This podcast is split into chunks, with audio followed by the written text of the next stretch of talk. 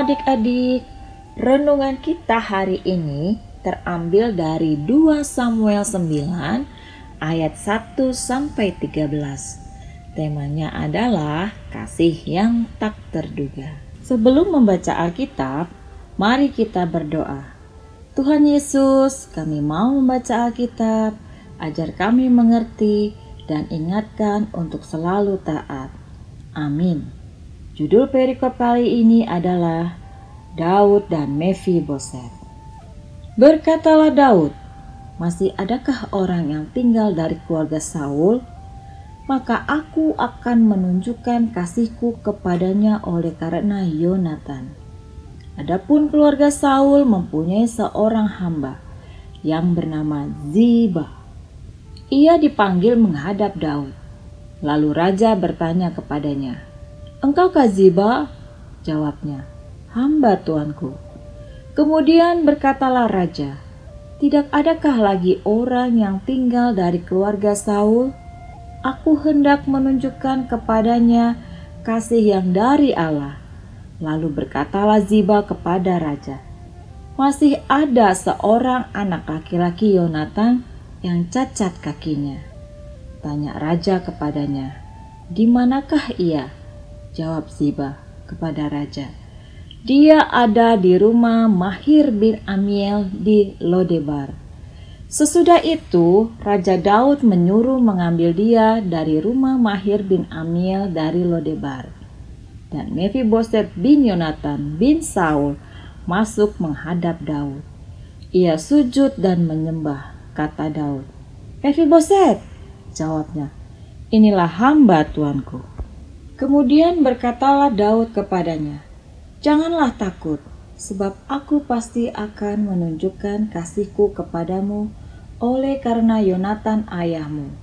Aku akan mengembalikan kepadamu segala ladang Saul, nenekmu, dan engkau akan tetap makan sehidangan dengan aku."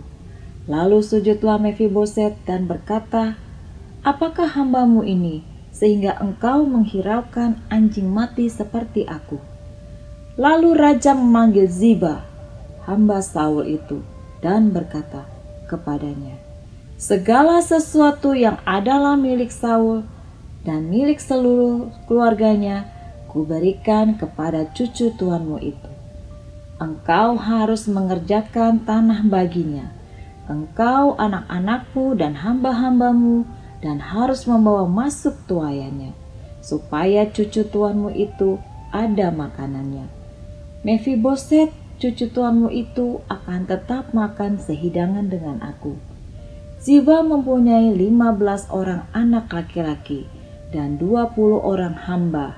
Berkatalah Ziba kepada raja, Hambamu ini akan melakukan tepat seperti yang diperintahkan tuanku raja kepadanya dan Mephiboset makan sehidangan dengan Daud sebagai salah seorang anak raja. Mephiboset mempunyai seorang anak laki-laki yang kecil yang bernama Mika. Semua orang yang diam di rumah Ziba adalah hamba-hamba Mephiboset. Demikianlah Mephiboset diam di Yerusalem sebab ia tetap makan sehidangan dengan raja. Adapun kedua kakinya timpang. Demikianlah firman Tuhan. Adik-adik, masih ingatkah tentang cerita persahabatan Daud dan Yonatan? Kali ini diceritakan ketika Daud sudah menjadi raja, Daud teringat akan janjinya kepada Yonatan, yaitu apabila menjadi raja, Daud akan menunjukkan belas kasihnya kepada Yonatan dan keturunannya. Akhirnya, Daud menyuruh hambanya untuk mencari keluarga Yonatan yang tersisa. Ternyata Yonatan memiliki seorang anak bernama Mephiboset. Mephiboset hidupnya selalu direndahkan orang karena kakinya timpang dan tidak punya apa-apa. Pada zaman itu, orang yang berkaki timpang dianggap orang yang terkutuk dan berdosa. Tapi Daud membuat hidup Mephiboset berubah karena Daud memperlakukannya seperti anak raja. Adik-adik, Mephiboset tidak menyangka Raja Daud mengingat dirinya. Ada yang tahu apa saja milik keluarga Mephiboset yang Daud kembalikan?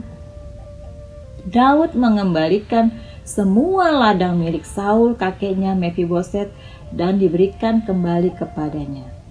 Kita harus selalu ingat Tuhan memiliki cara untuk menjaga dan memelihara kita.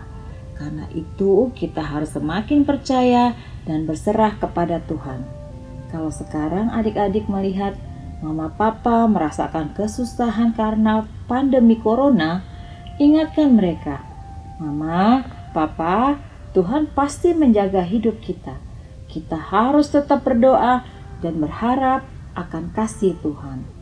Semoga renungan ini memberikan pengharapan dan teladan untuk adik-adik semua dan menjadikan adik-adik pribadi yang penuh kasih seperti Raja Daud.